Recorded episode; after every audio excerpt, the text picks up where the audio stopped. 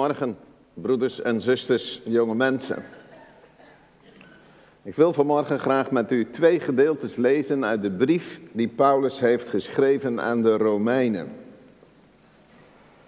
Romeinen 9, de eerste vijf versen, en Romeinen 11, de versen 25 tot en met 26.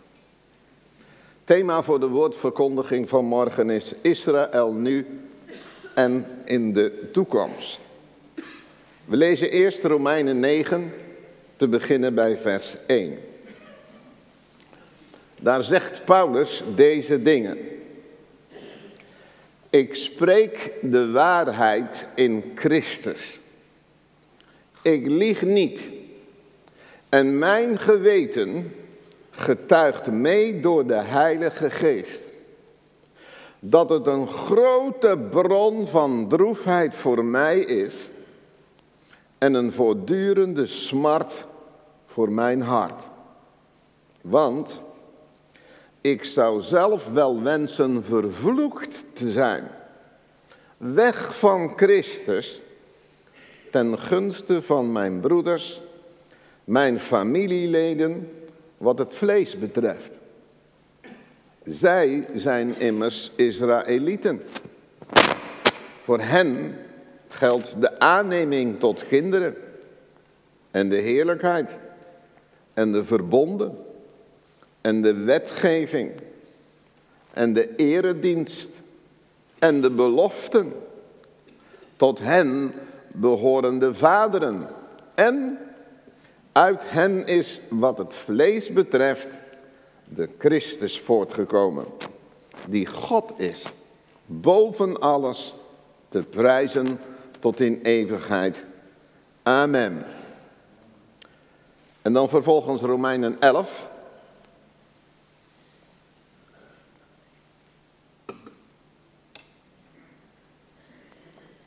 Romeinen 11, vers 25 en 26. Hele belangrijke woorden. Want, schrijft Paulus in Romeinen 11, vers 25, want ik wil niet, broeders, zusters, dat u geen weet hebt van dit geheimenis.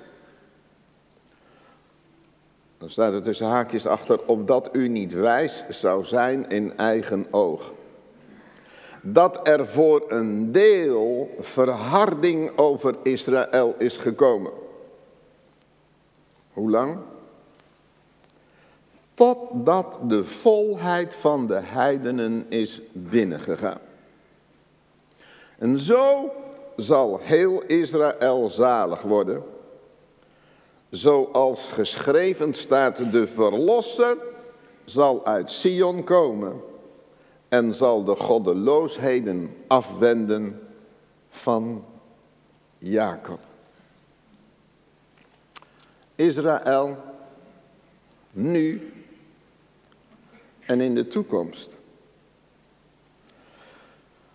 Het zal u ongetwijfeld niet ontgaan dat Israël, waarvan God zelf zegt dat is mijn oogappel, heel vaak het onderwerp is, het thema is van verhitte discussies. En dat niet alleen maar onder niet-gelovigen, ongelovigen, heidenen, zo u wilt, maar ook onder gelovigen. En je ontdekt in gesprekken die je zomaar in familie of gezinsverband of binnen de gemeente kunt hebben over Israël, Gods oogappel. Dat je bij de een bespeurt dat hij God van harte lief heeft, terwijl de ander glashard in je gezicht kan zeggen, nou wat mij betreft heeft Israël afgedaan. Als het gaat om Gods plannen met deze wereld. Daarom is het zo goed dat je in dergelijke gesprekken altijd en alleen maar laat leiden door wat het woord van God ervan zegt. Op de pastorale cursus met broeder Aad van der Zanden zeiden we altijd, deze Bijbel dat is Gods journaal. Gods journaal met betrekking wat de wereld te wachten staat. En dat ligt er niet om. Eeuwige verdoemenis. Terwijl God het liefste en het kostbaarste wat hij had aan deze wereld heeft gegeven. Petrus mocht optekenen dat God niet wil dat ook maar één mens verloren gaat. Maar het zal het lot van velen worden die de Heer Jezus Christus niet aannemen als heiland en verlosser. In de Bijbel lees je ook het journaal van God met betrekking tot de gemeente van Jezus Christus. En als je let op de tekenen van de tijden, de ernstige tijd waarin wij leven, dan is het moment aanstaande dat de Heere God, net als in de dagen van Noach, de ark van het behoud gaat sluiten. Dat weet alleen, zegt de Heer Jezus, God de Vader. Maar in de tekenen die hij voorspelt in dit woord komt zo nadrukkelijk naar voren dat wij dat in deze omstandigheden waarin wij leven praktisch voor onze ogen zien gebeuren. En de Bijbel is ook het journaal van God met betrekking tot Israël. Ik hoop allemaal dat u minimaal één keer in uw leven die hele Romeinenbrief eens aandachtig bestudeerd hebt. Die eerste acht hoofdstukken die Paulus heeft geschreven aan de christenen te Rome, maar ook aan u en aan mij. Die laten ons zien in wat voor onvoorstelbaar heerlijke positie wij gekomen zijn. En dat hebben we zojuist met prachtige liederen bezongen. Een positie waar de Heer Jezus Christus u en mij voor eeuwig in heeft gebracht. Zijn liefde zocht mij. Zijn bloed dat kocht mij. En dan mag ik weten voor eeuwig door genade zijn kind te zijn. Wij dan gerechtvaardigd door het geloof hebben vrede met God. Zegt de Romeinen 5. En Romeinen 8 vers 1. Zo is er dan nu. Dan kun je elk moment lezen. Geen veroordeling meer voor hen die in Christus Jezus zijn. En dat God alle dingen in ons leven laat meewerken ten goede. Ook al duurt het soms een tijdje voordat je daar werkelijk oog voor krijgt. En dat niets en niemand je kan scheiden van de liefde van God, welke is in Christus Jezus. En dan begint hoofdstuk 9, 10 en 11. En daar gaat Paulus in op Gods plan met Israël. En dan merk je de pijn in zijn woorden die hij spreekt. Daar waar hij met een blij hart schrijft over wie wij in de Heer Jezus Christus mogen zijn, daar proef je de pijn in de eerste versen van hoofdstuk 9. Paulus was eerst een voorstander geweest van de leer van de fariseeën en schriftgeleerden. Maar nu wordt hij door de ongelovige Joden beschouwd als een grote verrader. Hij was hun voorvechter geweest. Hij had maar één doel en dat was de gemeente van Christus uitroeien. En op een gegeven moment had hij toestemming gevraagd om zelfs de christenen die naar Damascus waren te gaan vervolgen.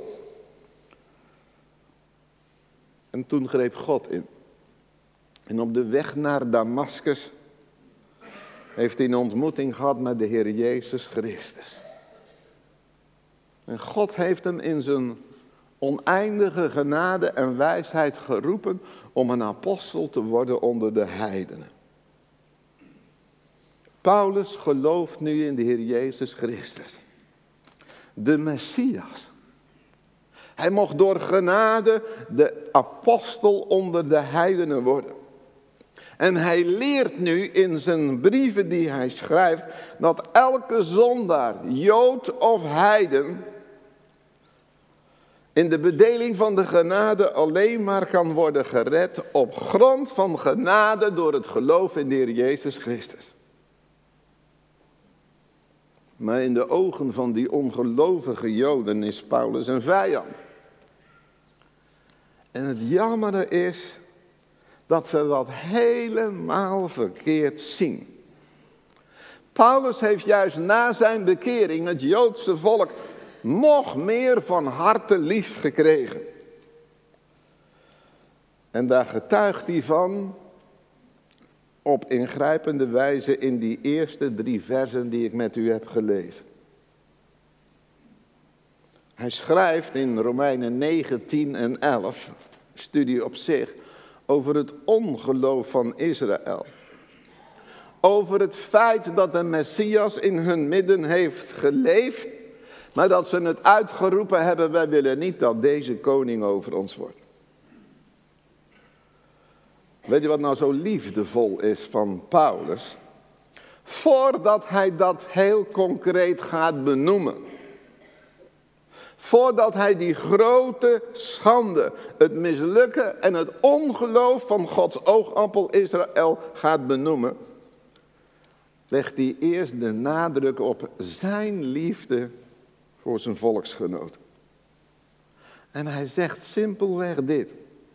Als het ook maar mogelijk zou zijn, dan ben ik bereid om mijn eigen leven af te staan. Als jullie maar, ongelovige Joden, tot geloof zouden komen in de Heer Jezus Christus. Nou zou je de vraag kunnen stellen, Paulus, als jij een apostel bent voor de heidenen, voor de mensen die dus niet uit het Joodse volk zijn, Waarom dan deze woorden? Waarom zou je je vraag kunnen stellen, waarom moeten we meer bedroefd zijn wanneer er mensen uit het Joodse volk verloren gaan, dan wanneer andere mensen verloren gaan? Nou laat ik duidelijk zijn, de reden is niet dat de zielen van Joodse mensen belangrijker zijn dan de ziel van u en van mij. Maar Paulus zegt, Israël, kijk nou eens goed om je heen. Want jullie zijn zulke bevoorrechte mensen. Jullie hebben alleen van die geweldige voorrechten jammer genoeg geen gebruik gemaakt. Geen enkel ander volk was ooit zo gezegend als Israël. Maar toch hebben ze niet de vruchten van hun bevoorrechte positie geoogst. En dat verdriet Paulus. En het verdriet van Paulus, dat geldt een volk dat ondanks al die voorrechten die ze hebben genoten, toch de Messias hebben verworpen. En dat staat in vers 4 en 5. Ik weet niet of u hebt meegeteld. Maar Paulus noemt in de versen 4 en 5 acht unieke voorrechten die alleen aan Israël gegeven zijn.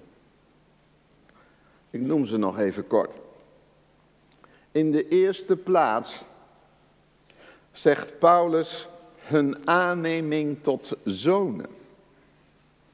God is degene geweest die het Joodse volk heeft verkoren om aan te nemen als zijn volk.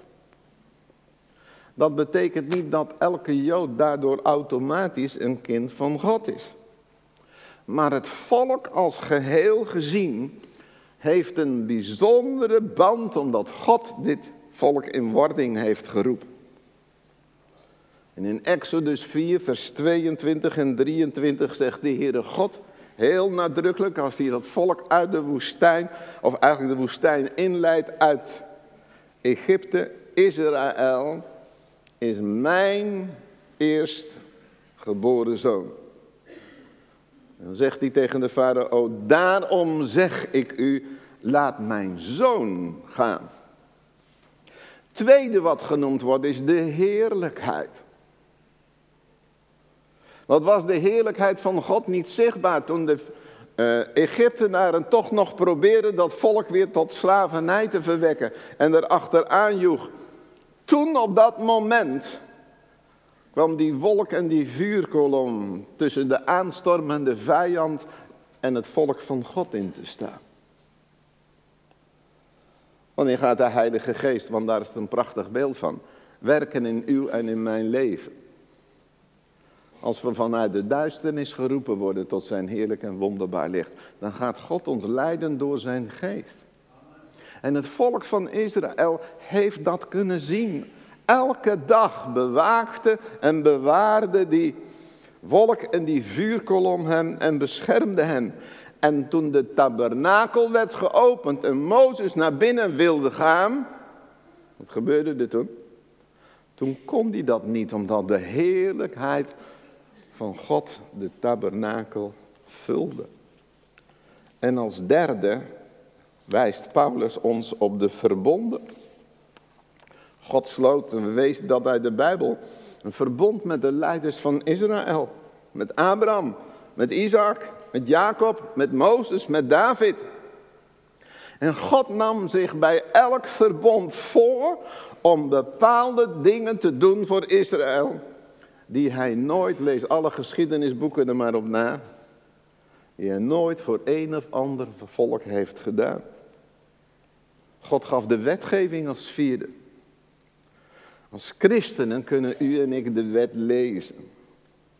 Maar de wet is ten diepste niet aan ons gegeven. De wet is speciaal gegeven aan Israël en niet aan enig ander volk. Maar wat is het geweldig. Dat als je door genade de Heer Jezus Christus mag leren kennen, dan neem je die wet ook serieus in je leven. Omdat je Hem daarin wilt dienen, zichtbaar wilt maken. Er wordt gesproken over de eredienst als vijfde.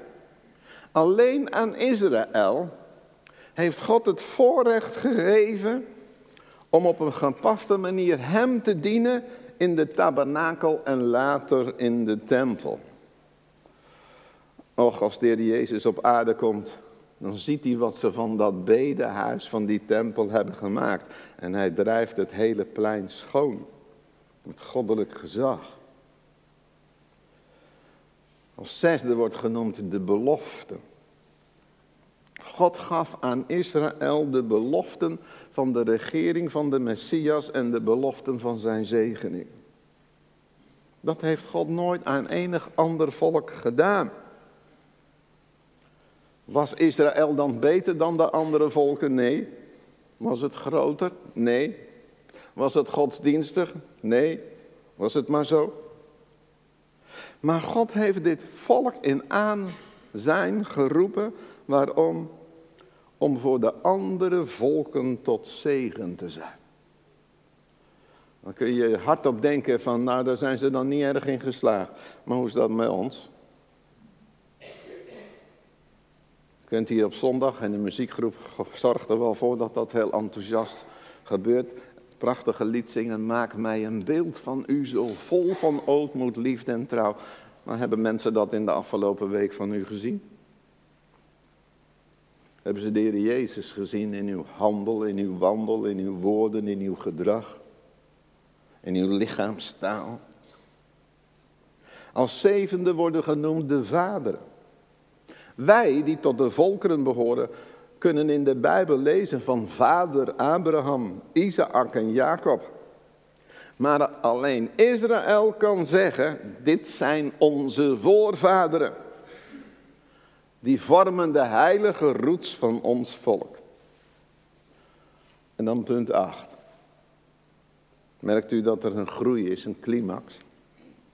De grootste eer en zegening ooit aan Israël gegeven, is dat uit haar de Messias voortgekomen is. Jezus was een Jood, maar hij is tegelijkertijd ook God. En daarom voegt Paulus eraan toe, als hij over de Messias Jezus schrijft, die God is over alles, gezegend tot in eeuwigheid. Acht geweldige voorrechten. Maar ondanks al die voorrechten en die zegeningen hebben ze Jezus, de Messias, verworpen. Toen hij tot hen kwam, hebben ze hem niet aangenomen. En dat geeft geweldige problemen voor Israël als volk. Want zonder een persoonlijke relatie met Christus kan Israël nu niet genieten van die voorrechten en die zegeningen die ze heeft ontvangen. Israël heeft haar erfenis, om het zo maar eens te zeggen, niet in bezit genomen. Geen gebruik gemaakt van de unieke plaats die God dit kleine, ogenschijnlijk kleine, onbeduidende landje en volkje wilde geven. Kijk, en dat breekt het hart van Paulus. En dan wil ik een vraag aan u en ook aan mezelf stellen. Breekt dat ook uw en mijn hart? Paulus was er in zijn tijd vast en zeker van overtuigd dat God zijn plan met Israël weer gaat oppakken. En hij heeft ons gezegd in hoofdstuk 11, vers 25, wanneer dat gaat gebeuren. Dat gaat gebeuren als de volheid van de heidenen is ingegaan. Stelt u zich eens voor, er is hier vanmorgen iemand die de Heer Jezus Christus nog niet door genade heeft aangenomen. En die het verlangen krijgt om zijn hart, zijn leven aan de Heer Jezus te geven. Die zijn zondeschuld beleidt en hem dankt voor het volbrachte werk van de Heer Jezus Christus. Die persoon zou ervoor kunnen zorgen dat de genadestijd stopt. Dat het getal, de volheid van de heidenen is ingegaan. Dan wordt de gemeente van Christus opgenomen. Dan breekt de grote verdrukking aan en gaat God zijn werk met Israël voleindigen. Aan het eind van de dagen zegt de schrift, zal God zich weer tot Jeruzalem gaan keren met als doel het Joodse volk te redden. Dat gaat gebeuren, broeders, zusters, jonge mensen. Want al Gods beloften zijn ja en amen. En als alle beloften met betrekking tot Jezus eerste komt, zijn verzoenend lijden en sterven, de opstanding, de hemelvaart, de uitstorting van de Heilige Geest, stuk voor stuk waarheid zijn geworden, waar halen we dan de euvele moed vandaan? Om hem niet spoedig te blijven verwachten, want dat is het grote waar we nog op wachten als kinderen van God. En het mooiste daarvan is, en velen zijn ons in dat geloof al vooruit gereisd. En het mooiste daarvan is, daar zien wij Jezus. En dan gaat God zijn plan met Israël oppakken. En wij leven in zo'n actuele tijd. Wij zien daar het begin van. Tot 1945 is de mensheid bezig geweest om het volk van God te vernietigen. Maar drie jaar later werd in Israël de Joodse staat weer opgericht in het door God beloofde land. Hebt u zich wel eens afgevraagd waarom dat toen gebeurd is? Sterker nog, hebt u zich wel eens afgevraagd waarom dat moest gebeuren? Moest gebeuren. Wel, wat had de Heer Jezus gezegd? Als ik terugkom voor Israël, dan zal ik mijn voeten zetten op de olijfberg. Waarom? Om zijn volk te redden. Maar, maar, maar zeg nou zelf. Als Israël niet terug was gekeerd naar Israël. Als de Israëlieten niet meer in Jeruzalem wonen of in heel dat gebied wat God aan Abraham heeft toevertrouwd. Wat heeft het dan voor zin voor de Heer Jezus om zijn voeten op de olijfberg te zetten? Als zijn volk nog verspreid is over het rond van deze aarde. Kijk, en daar hebben de profeten al voorzegd. Zomaar even twee teksten. Jezaja 11 vers 12, kunt u makkelijk onthouden. In Jezaja 11 vers 12, daar staat dat Jezaja moet zeggen namens God, hij zal een banier omhoog heffen onder de heidenvolken. En hij zal de verdrevenen van Israël verzamelen. En zij die uit Judea of Juda overal verspreid zijn, bijeenbrengen van de vier hoeken van de aarde. Afgelopen weekend hebben 70 landen laten blijken dat het er 72 waren. Vergaat het om precies aan te geven wat Israël nog wel mag en wat niet mag. Gelukkig is die samenkomst niet zo succesvol geweest. Maar het geeft wel aan dat de boze weet dat de tijd kort is. En daarom is er alles aan gelegen dat dat van volk van God de Middellandse Zee wordt ingedreven. Het bijeenbrengen door antisemitisme, door het feit dat het Joodse volk tot op de dag van vandaag, ondanks alle ellende die het in de oorlog heeft meegemaakt, opnieuw geen veilige plaats heeft, doet het terugtrekken naar Israël. Eerst wordt Sion herbouwd. En dan pas, zegt de schrift, verschijnt de Heer in heerlijkheid. Ik heb zo'n soort van klapkalender van Max Lucado. Die kan soms van die hele leuke puntige dingen zeggen. En er staat dan een tekst onder. En toen ik die van de week omdraaide, toen las ik opeens Sefania 3 vers 20. Hoor je niet zo vaak over spreken. Maar aan het eind van Sefania staat in hoofdstuk 3 vers 20. In die tijd zal ik u hierheen brengen. Namelijk in de tijd dat ik u zal bijeenbrengen. En dan komt het, voorzeker. Ik zal u maken tot een naam en tot lof onder alle volken van de aarde. Is dat zo op dit moment? Was het maar zo. Wanneer ik voor uw ogen een omkeer in uw gevangenschap breng, zegt de Heer. Satan weet dit. Als de Heer Jezus in het land van de Gerazenen komt, dan komt hij iemand tegen die bezeten is. Die man die weet welke toekomst hem wacht. Want hij zegt tegen de Heer Jezus, ben je al gekomen om mij nu al te straffen? Satan kent het woord van God ook. Weet u waar die op dit moment is? In de nabijheid van God. Want we lezen in openbaring 11 of 12. Even nakijken thuis. Dat hij uit de hemel geworpen wordt. En wat doet hij dan als eerste? Dan richt hij zijn volle gramschap richting Israël. Wat doet hij nou op dit moment? Voor het aangezicht van God. Daar klaagt hij u en mij aan. Daarom was het zo goed dat we dat lied hebben gezongen. Wij hebben de overwinning behaald. Voelen we dat altijd? Nee. Hebben we daar altijd kracht voor? Nee.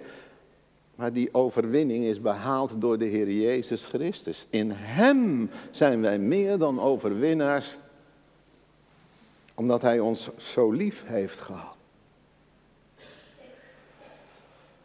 En het eh, onlogenbare teken dat God ons gaf in de terugkeer van Israël, daar waar de wereld bezig is geweest om Gods oogappel uit te roeien, geeft onomwonden aan dat u en ik in de eindtijd leven. En dan wil ik tot slot graag dat u eventjes met mij opzoekt Ezekiel 37. Dan kunt u lezen hoe actueel de tijd is waarin u en ik leven.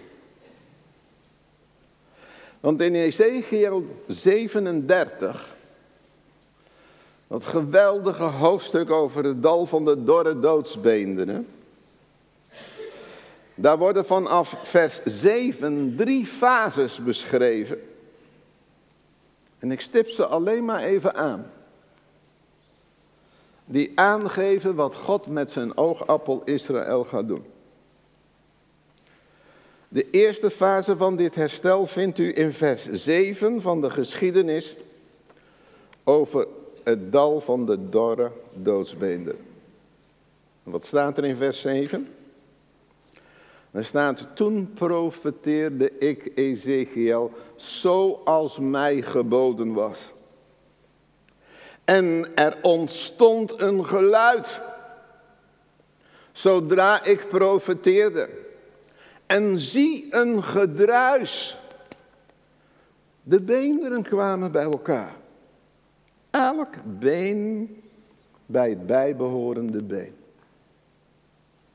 Als je dit historisch wil duiden, moet je teruggaan naar augustus 19, 1897. Eh, Toen kwamen in Basel onder leiding van Theodor Herzl en Birnbaum Joden bij elkaar om het eerste internationale Zionistische congres te houden. Daar waren zo'n 200 deelnemers die een programma hebben aangenomen waarin Palestina als thuisland voor de Joden werd nagestreefd.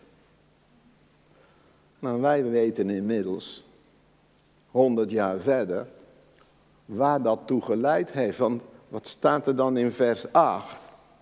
En dat is de tweede fase. En ik zag en zie, er kwamen pezen op, er kwam vlees op en hij trok er een huid overheen, maar er was geen geest in hem.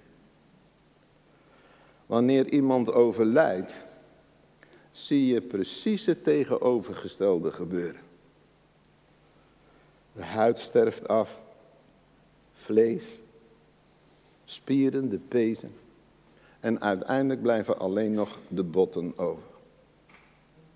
Als het echte geschiet, zoals het hier wordt gezegd, dan krijgt iemand als het ware weer een gezicht. Men heeft tegenwoordig, als men een schedel vindt en men denkt dat die persoon in kwestie omgekomen is door een misdrijf, dan kan men met behulp van computertechniek dat gezicht zo opvullen dat die schedel opeens weer een gezicht krijgt. En men is daardoor al in staat geweest om een aantal misdrijven weer op te lossen, omdat opeens de schedel een gezicht had gekregen.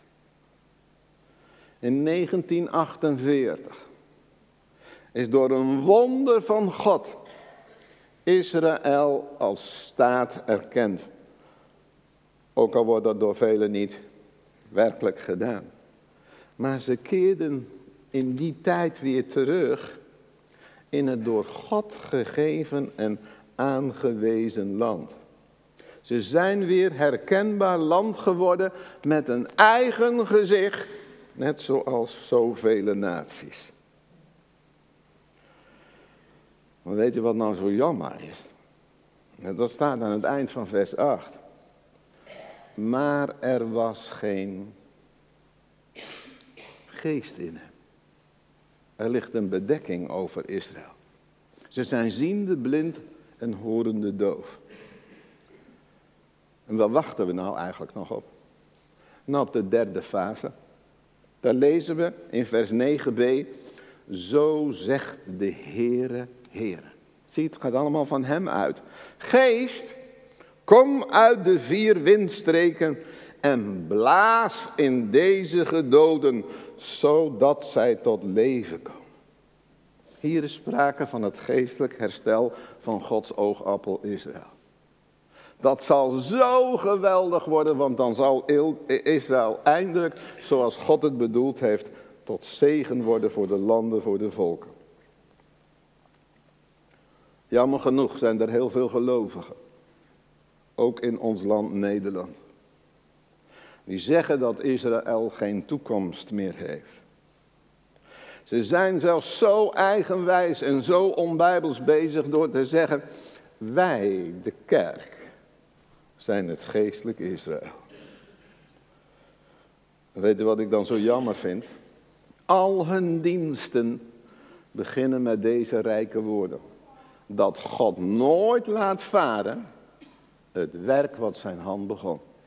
Met Israël niet, met ons niet en met u en mij niet. Daardoor lopen ze nu, Israël, omdat ze al die dingen naar zichzelf toetrekken, het gevaar om trots en wereldsgezind te worden. Maar als gemeente weten we het. Onze zegeningen zijn niet aards. Dat zingen we ook, niets is hier blijvend. Maar ze zijn geestelijk en hemels. Die van Israël nog aards. En dat gaat God veranderen. Want daar sluit ik mee af. Vers 12 en vers 14. Profeteer daarom en zeg tegen hen. Zo zegt de Heere, Heere. Zie, ik zal uw graven openen. En ik zal u uit uw graven doen oprijzen, mijn volk. En ik zal u brengen in het land van Israël. Dan zult u weten dat ik de Heere ben. Als ik uw graven open en als ik u uit uw graven doe oprijzen. Mijn volk. Ik zal mijn geest in u geven. U zult tot leven komen. En ik zal u in uw land zetten. De UNESCO kan willen wat ze wil. De Verenigde Naties willen wat ze wil. Iemand zei eens met betrekking tot Israël, VN is voor Israël V nothing. Maar dan zult u weten, voorspelt Ezekiel al, en we zien het waar worden. In Ezekiel 37, dan zult u weten dat ik, de Heere, dit gesproken en gedaan heb. Spreekt de Heer. Zou u de komende weken willen overdenken? Welke plaats neemt Israël, Gods oogappel, in? In uw en in mijn gebedsleven. Amen. Zullen we samen danken?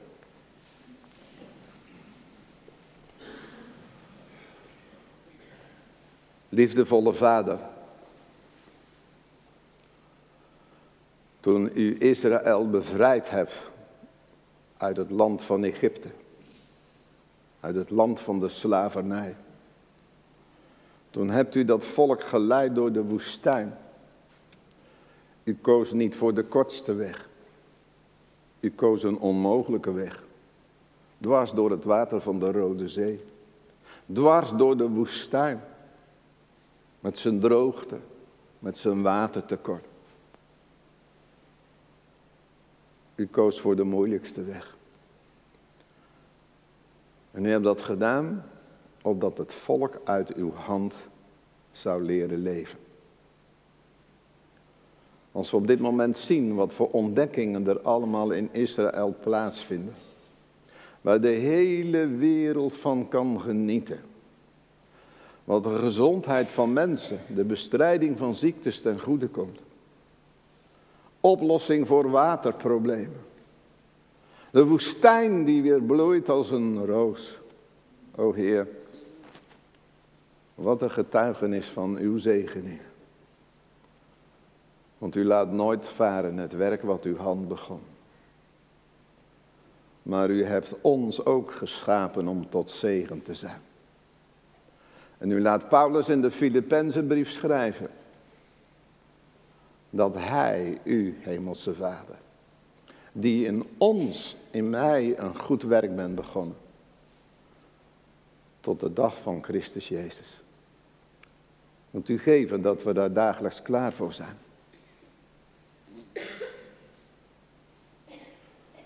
Dat we uw wil doen. Dat u ons gebruikt als ware discipelen. En wilt u ons dan helpen om trouw te zijn in onze gebeden? Voor met name ook de Messiaans beleidende Joden. Die soms uitgespuugd en uitgekotst worden vanwege hun keuze voor de Heer Jezus. Maar geef dat door hun getuigenis toch nog ogen open zullen gaan. Heer, dank u wel voor uw troostrijk, maar ook voor uw onfeilbare woord. En wilt u dat ook zegenen aan ons leven. Tot eer en glorie voor uw grote naam. Maranatha. Halleluja. Amen.